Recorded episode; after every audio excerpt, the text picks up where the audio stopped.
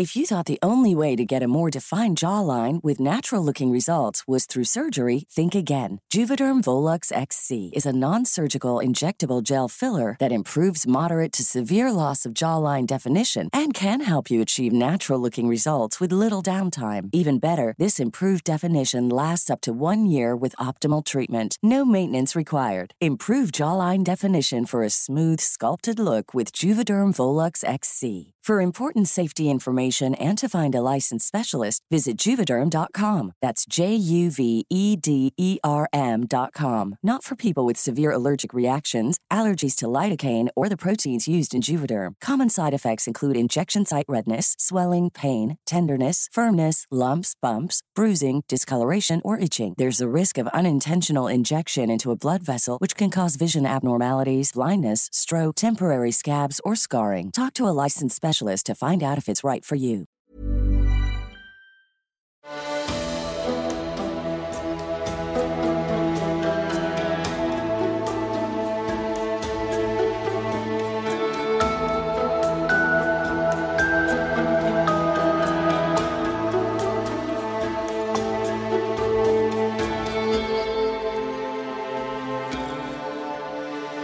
Velkommen til Seriemorderpodden, podkasten dedikert til seriemordere. Hvem de var, hva de gjorde og hvordan. Jeg heter Thomas Rossland Wiborg Tune, og i kveld tar vi for oss nok en mørk superstjerne. En av de aller mest beryktede seriemorderne gjennom tidene. På høyde med Ted Bundy og Jack the Ripper, vil jeg si. Boken av Stephen King ved navn It er visstnok delvis inspirert av denne mannen. Hans regime av frykt og mord fant sted i den såkalte gylne tiden for seriemord, 1970-tallet. Jeg snakker naturligvis om ingen ringere enn morderklovnen selv, John Wayne Casey.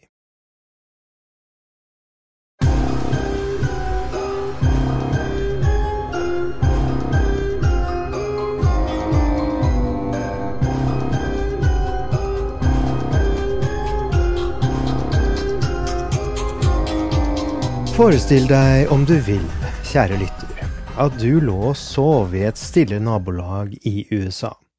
Du ble vekket fra søvnen av et lavt skrik i natten.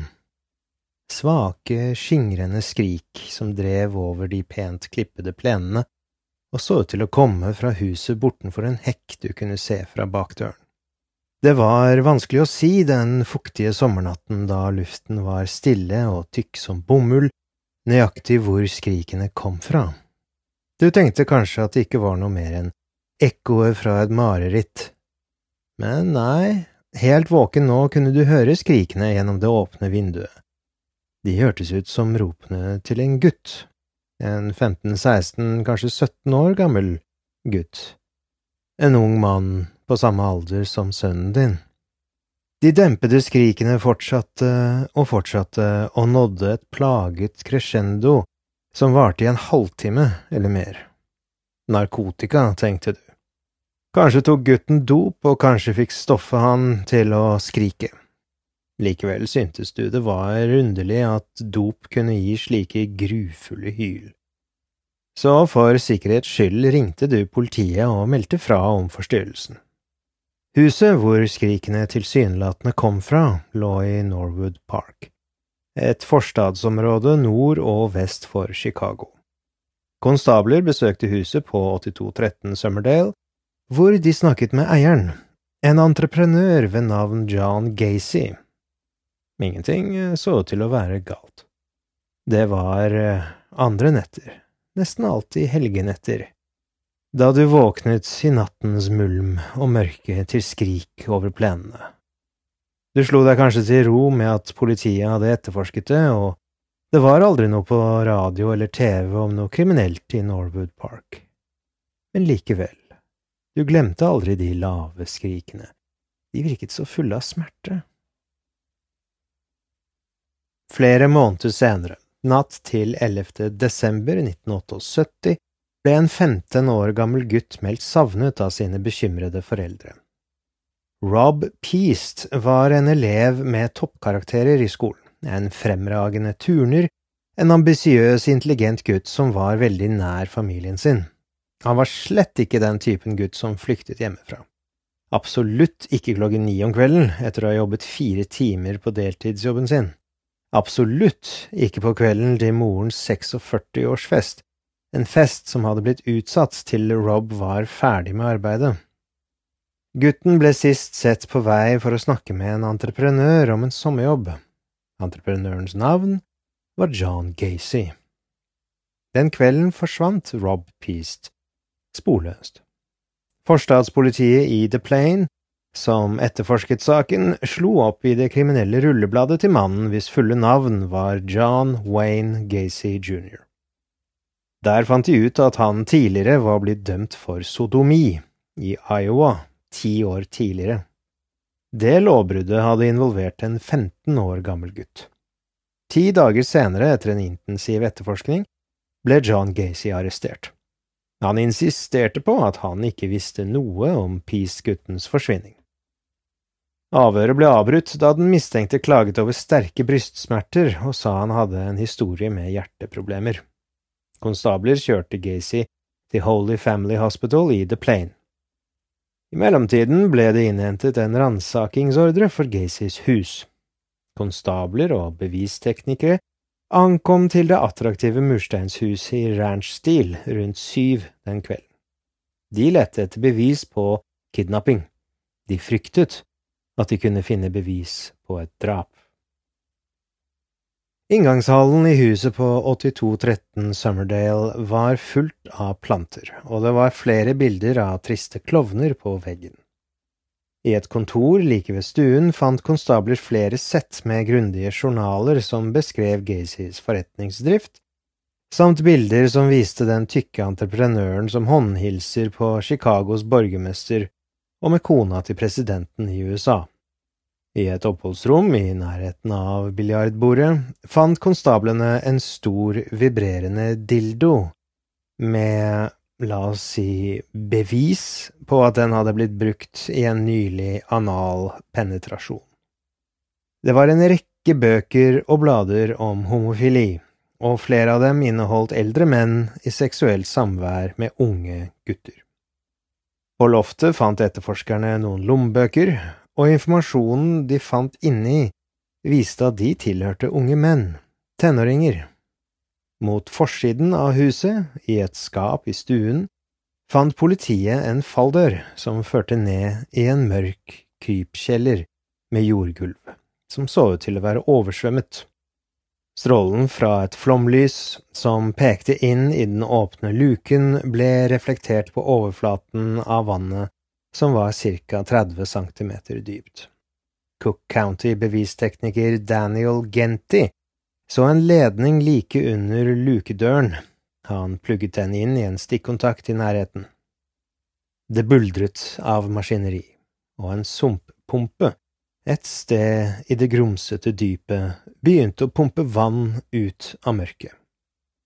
En fuktig, råtten lukt kom fra krypkjelleren, lukten av kloakk, og noe verre noe erfarne konstabler kjente igjen som lukten av et likhus.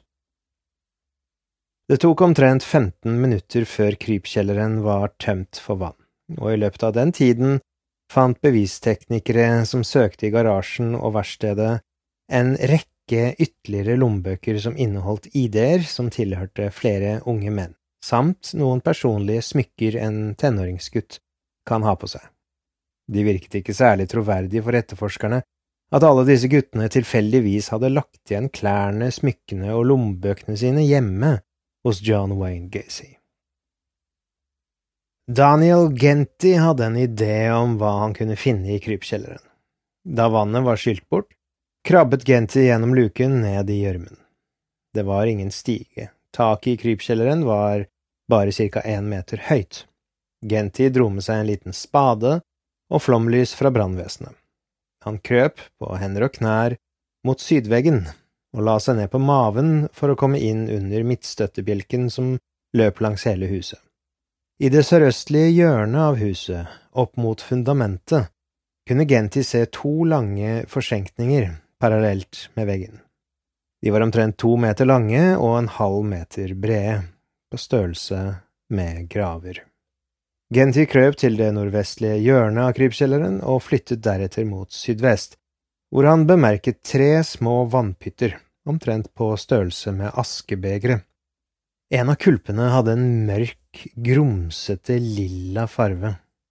De to andre var fylt med hundrevis av tynne, røde ormer, omtrent to centimeter lange, og da Genti lyste flomlyset på dem, gravde de seg ned i den myke gjørmen. Det var der, i det sørvestre hjørnet av krypkjelleren, at Genti bestemte seg for å foreta sin første utgraving. Han knelte og startet å grave i den våte gjørmen. En uutholdelig, råtten stank brøt opp av jorden og fylte krypkjelleren. Den andre spaden med jord inneholdt en klump med hvitt, såpeaktig, råtnende kjøtt. Det så nesten ut som smult. Kjøtt tar ca. tolv måneder eller mer for å få denne konsistensen, og dermed kunne ikke kroppen være Rob Peast sin. Gacy så ut til å muligens være skyldig i mer enn ett drap. Genty tok en siste øse med gjørme traff noe hardt og dro opp noe som så ut som et menneskelig armbein. Skjelettrester, altså definitivt ikke liket av en gutt sist sett i live elleve dager tidligere. I det nordøstlige hjørnet av krypkjelleren, under Gacys hus, fant konstablene flere sølepytter, og alle myldret av tynne, røde ormer. Der To meter fra nordveggen avdekket de det som så ut til å være et knebein. Kjøttet var så uttørket at de først trodde det var jeansmateriale. Syd for graven avdekket Genti noen menneskehår i jorden. Den andre bevisteknikeren gravde langs sydveggen og fant to lange ben, menneskelige ben, begge svært svarte. I stedet for å forstyrre flere levninger som kunne komplisere identifikasjonsprosedyrer, eller ødelegge bevis, bestemte betjentene seg for å forlate krypkjelleren og ringe rettsmedisineren. Omtrent samtidig ble John Gacy løslatt fra Holy Family Hospital. Han var blitt grundig undersøkt, og legene kunne ikke finne noe som helst tegn på hjerteinfarkt. Gacys puls var litt høy, det var det hele. Under tung bevoktning. Etterforskerne hadde blitt fortalt hva søket hadde avdekket, ble Gacy returnert til The Plain politistasjon, hvor han ble arrestert og siktet for drap.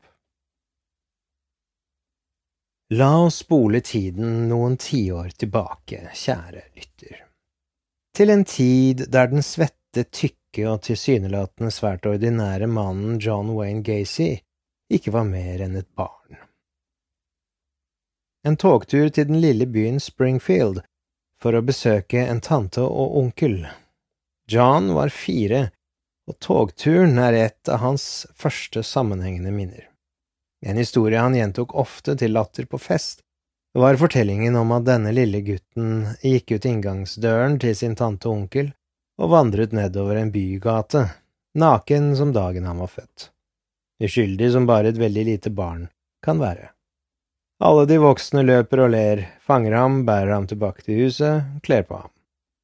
En morsom hendelse. Men om han faktisk husket det, eller om morens gjentatte fortellinger hadde plantet et falskt minne i sinnet hans, vites ikke. John kunne ikke være sikker. Han var et mellombarn. Søsknene hans var Joanne, 28 måneder eldre, og Karen, 28 måneder yngre. John Wayne Gacy jr. ble født på St. Patrick's Day 17. mars 1942.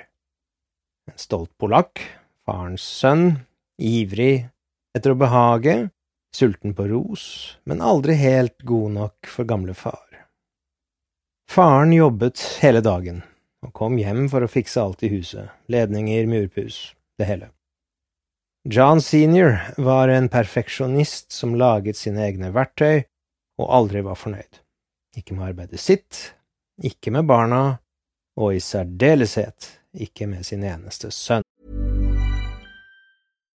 If you're looking for plump lips that last, you need to know about Juvederm lip fillers. With Juvederm Volbella XC and Juvederm Ultra XC, your lip look, whether it's subtle or bold, can last up to one full year with optimal treatment and no additional maintenance. Find a licensed specialist and see if it's right for you at juvederm.com today. That's J U V E D E R M.com. Add fullness to lips in adults over 21 with Juvederm Volbella XC or Juvederm Ultra XC. Do not use if you have severe allergies or a history of severe allergic reactions, or if you're allergic to lidocaine or the proteins used in Juvederm. Tell your doctor if you have a history of scarring or taking medicines that decrease the body's immune response or that can prolong bleeding. Common side effects include injection site redness, swelling, pain, tenderness, firmness, lumps, bumps, bruising, discoloration, or itching. As with all fillers, there's a rare risk of unintentional injection into a blood vessel, which can cause vision abnormalities, blindness, stroke, temporary scabs, or scarring. For full important safety information, visit juvederm.com. På 40- og 50-tallet i USA var det svært vanlig blant foreldre å gi barna sine fysisk avstraffelse. For de fleste var det dog snakk om litt ris på baken, kanskje en lett ørefik for særdeles store overtredelser. Dette var dog ikke hverdagen for John jr. Hans far nølte aldri med å ta frem barberstroppen av lær og piske sønnen til blods for selv de minste forseelser. Bannet gutten inn i huset så foreldrene kunne høre det, for eksempel, som resultat av å ha slått tåen i en kant, så bar det rett på badet for en lang og smertefull runde med pisking. Faren pisket sønnen på hans bare rumpe og på ryggen. Ofte var straffen så langvarig og hard at unge John ikke kunne sitte på flere timer. For å flykte fra hverdagen hadde lille John et hemmelig sted. Et sted hvor en stille, høflig gutt kunne være alene. En gutt som hadde vært syk og skrøpelig så lenge han kunne huske. I det fuktige mørket under verandaen, sammen med hageslanger og salamandere, kunne John tenke på blomster, på landskapsarbeid og bygging, tingene han likte. De andre guttene spilte baseball eller amerikansk fotball eller basketball, men John hadde aldri noe som helst interesse for sport. En enstøing, sykelig og svak, ukoordinert, tykkfallen selv som barn. Han innså etter hvert som årene gikk at han var en enstøing, og han var, som han selv sa til seg selv, annerledes. Som barn hadde John tidlig blitt introdusert for sex. Året var 1946. John var fire, og hun tok ham med ut til prærien hvor gresset var høyt, og de var skjult for husene i Opal Street. En 15 år gammel jente. En eller annen norsk jente. Blondt hår og et slapt ansiktsuttrykk. En nabos lettere utviklingshemmede datter. Hun dro ned buksene hans og befølte ham der i præriegresset. Da han fortalte det til sin mor, ble det bråk i huset. 1949. John er syv. Det er John, en nabogutt og guttens lille søster. Alle er nakne. John og gutten, i anførselstegn, leker doktor med den lille jenta. Faren til John fant ut hva som hadde skjedd, og resultatet var en runde med ren tortur. Kombinasjonen av sex og vold var noe som ble smidd i Johns sinn fra begynnelsen. Samme år tok en entreprenørvenn av faren alltid John, den lille byggmesteren, på turer i lastebilen sin. Mannen var tilsynelatende alltid vennlig, alltid blid. Det var selvfølgelig bare tilfeldig at lille Johns hode alltid så ut til å havne mellom mannens ben, presset hardt til skrittet på den grove arbeidsbuksen. John var klar over at entreprenøren gjorde med ham lignende ting som han selv hadde gjort med nabojenta. Han fortalte aldri faren om disse turene, og mannen ble aldri straffet for det han hadde gjort mot gutten. John gruet seg alltid til å se mannen, lastebilen og de små kjøreturene. Han hatet å bli misbrukt. 18 år, 173 centimeter høy og allerede over 90 kilo tung. John hadde allerede den gangen et dårlig selvbilde. For ham skulle en 18-åring være hard og muskuløs, han burde ikke ha en kropp som en sekk med mel. og da han så seg i speilet, stirret et ansikt som Mr. Potato Head, en leken for barn, tilbake. Han gadd ikke prøve å date jenter, men påstanden hans om at han som ung ikke hadde særlig sexlyst, bør nok tas med en stor dose salt. I stedet for å jage etter jenter og gå på fest, jobbet John. John var en entreprenør og hardtarbeidende så lenge han kunne huske. Han hadde en avisrute, noen gressklipperjobber, så, som 14-åring, landet han sin første ordentlige jobb, å levere dagligvarer til den lokale IGA-butikken. Han hjalp også sin mor rundt i huset, flyttet møbler, malte rom. Og det var ting han gjorde gratis, frivillige ting, som havearbeid for en eldre nabo. En gang da John var tolv, slo en stor storm ned noen kraftledninger over en nabos garasje. John tok på seg å advare kvinnen som bodde der, om at å gå i en sølepytt bak huset, det kunne drepe henne. Dette reddet sannsynligvis livet til kvinnen, ettersom hun ikke hadde noen idé om at det å gå ut i bakgården sin skulle kunne være farlig. Som 18-åring ble John også interessert i politikk, og jobbet som frivillig for Det demokratiske partiet i lokalvalget det året. Faren hans mente at politikk var for tapere og svindlere, noe som sannsynligvis ikke gjorde annet enn å øke Johns interesse. Han lærte også at politikk var en god måte å skaffe kontakter og innflytelse på, helt gratis, og det skulle fortsette å være noe han engasjerte seg i nesten hele livet. John var alltid svært dyktig i alt som gjaldt det praktiske, det håndfaste men teori og vanlig skolegang var aldri noe han klarte å gjøre det godt i. Han fullførte ikke videregående, og som en lite attraktiv og ikke særlig sosialt dyktig ung mann, så ikke unge John noen særlige muligheter i hjembyen. Gacy flyttet ut av foreldrenes hjem for å søke lykken i Las Vegas. Mens han var i Las Vegas, jobbet han deltid som vaktmester i et begravelsesbyrå.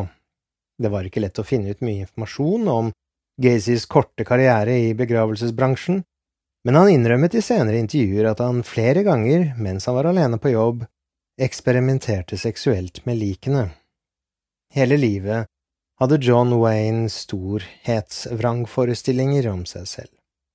Han mente at han var bedre enn vaktmesterarbeider, og var ikke fornøyd med oppholdet i glamorøse Las Vegas. Gacy bestemte seg for at Vegas ikke fortjente ham og flyttet tilbake til foreldrene sine utenfor Chicago for å utvikle forretningstalentene sine. Flyttingen hadde effekt, og snart var Gacy en suksessfull skoselger. Hvis det var én ting Gacy hadde talent for, bortsett fra tortur og drap, var det salg. Aldri hadde sjefen hans sett en mann med større anlegg for salg. Det tok ikke lang tid før 21 år gamle Gacy var den fremste selgeren i skokjeden. Nok en gang bestemte Gacy seg for å komme seg vekk fra regimet til sin far, og flyttet inn hos sin tante og onkel i Springfield.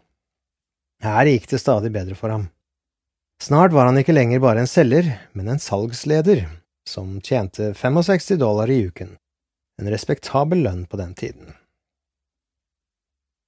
Endelig hadde han fått respekt for seg selv og begynte å date jenter. Han meldte seg inn i Springfield Junior Chamber of Commerce, en kristen herreklubb bedre kjent som JCs. Livet hans gikk på skinner, og erkjennelsen fylte ham med energi. Mannen kunne vel beskrives som en dynamo, en fantastisk arbeider på jobben, og en fantastisk frivillig for alle de pågående utallige prosjektene JC sponset hvert år. I 1964 ble Gacy valgt til JCs nøkkelmann for april. Han hadde vært i byen mindre enn to måneder. I september giftet han seg med Marlin Myers, en annen ansatt hos Roberts skobutikkjede. Det var også året John var med på å fremme salget av spareobligasjoner med JCs, at han organiserte klubbens årlige storsatsing. Han arrangerte den største juleparaden i sentrale Illinois noen hadde sett.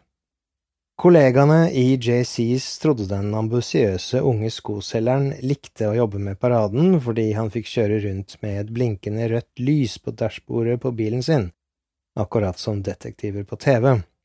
Folk lo litt av han bak hans rygg, men alle måtte innrømme at ikke bare kunne gutten selge sko, han arrangerte også en helvetes flott parade. John Gacy elsket å ha ansvaret. Han elsket å være en leder. Året etter, i 1965, ble John valgt til JCs første visepresident, utnevnt til den mest fremragende førsteårs JC og det tredje mest fremragende medlemmet i hele landet. John frydet seg over anerkjennelsen. Alt han trengte å gjøre, var å se på plakettene på veggen for å se hvor galt faren hadde tatt om ham. Kona var gravid. Han var den fremragende mannen. Faren hans var, i John Wayne Gacys øyne, bare en drittsekk. Suksess kom på løpende bånd for Gacy. Marlins far, Fred Myers, eide tre Kentucky Fried Chicken-restauranter i Waterloo, Iowa, hvor virksomheten blomstret, og han trengte en manager. Myers likte aldri Gacy, men Marlin var hans eneste datter, og han ville ha henne nær hjemmet. John kunne administrere restaurantene. Myers sa at han ville skaffe et hjem til de nygifte, og han betalte sin svigersønn 15 000 dollar i året pluss 20 prosent av overskuddet. Svært gode penger på den tiden. Gacy tok den obligatoriske opplæringen ved Kentucky Fried University, tok deretter med seg sin gravide kone til Waterloo og begynte å lære virksomheten fra bunnen og opp. Han jobbet jevnlig, 10 og 14 timer av gangen men tok seg likevel tid til å engasjere seg i Waterloo JCs. Gacys andre JCs betraktet ham som deres mest hardtarbeidende medlem. Når klubben trengte noen til å donere sin tid eller ferdigheter til noen av de 40–50 samfunns- eller innsamlingsprosjektene Waterloo JCs gjennomførte i et gitt år, ville Gacy melde seg frivillig. Da klubbmedlemmer oppdaget en torsdag ettermiddag at rampen til søndagens såpeboksderby var i dårlig form, sa Gacy at han ville fikse den. Han jobbet sent på kveldene, ofte til langt over midnatt, men han var oppe tidlig om morgenen og raskt i gang med arbeid. Søndag morgen var JC-arrangørene henrykte over å se rampen, den var ikke bare reparert, men også nymalt. Gacy la ned utrettelige timer for JCs. Det var ordet alle brukte for å beskrive ham – utrettelig. Han jobbet med så mange som 40 JC-prosjekter i året, langt mer enn noen annen hadde vært i nærheten av før ham. Midten av 60-tallet var på mange måter den fineste tiden i Gacys liv, i hvert fall tilsynelatende. For dette var også perioden da Gacy oppdaget og utforsket sine seksuelle preferanser. Ifølge ham selv hadde han vært ute på byen og kommet i snakk med en fyr. De pratet om løst og fast, og temaet om homoseksualitet kom opp. Det viste seg at begge hadde et ganske liberalt syn på dette. Gacy sa, halvt på spøk, at en munn er en munn, uansett kjønn. Senere den kvelden våknet Gacy i et fremmed hjem, fortsatt overstadig beruset, av at mannen lå på kne foran ham på sengen og sugde på penisen hans. Gacy følte seg lurt og utnyttet, men samtidig syntes han det føltes fantastisk, så han gjorde ikke motstand. Men han lovet seg selv at han aldri igjen skulle la seg lure og misbruke av en annen mann. Det var han som skulle ha kontroll over andre, ikke motsatt. Og med det, kjære lytter, kommer vi til slutten av del én i sagaen om John Wayne Gacy. Jeg håper du har satt pris på vår lille tid sammen i kveld, og om to uker fortsetter reisen inn i morderklovnens mørke sirkus. Så som de sier i Radioland, følg med.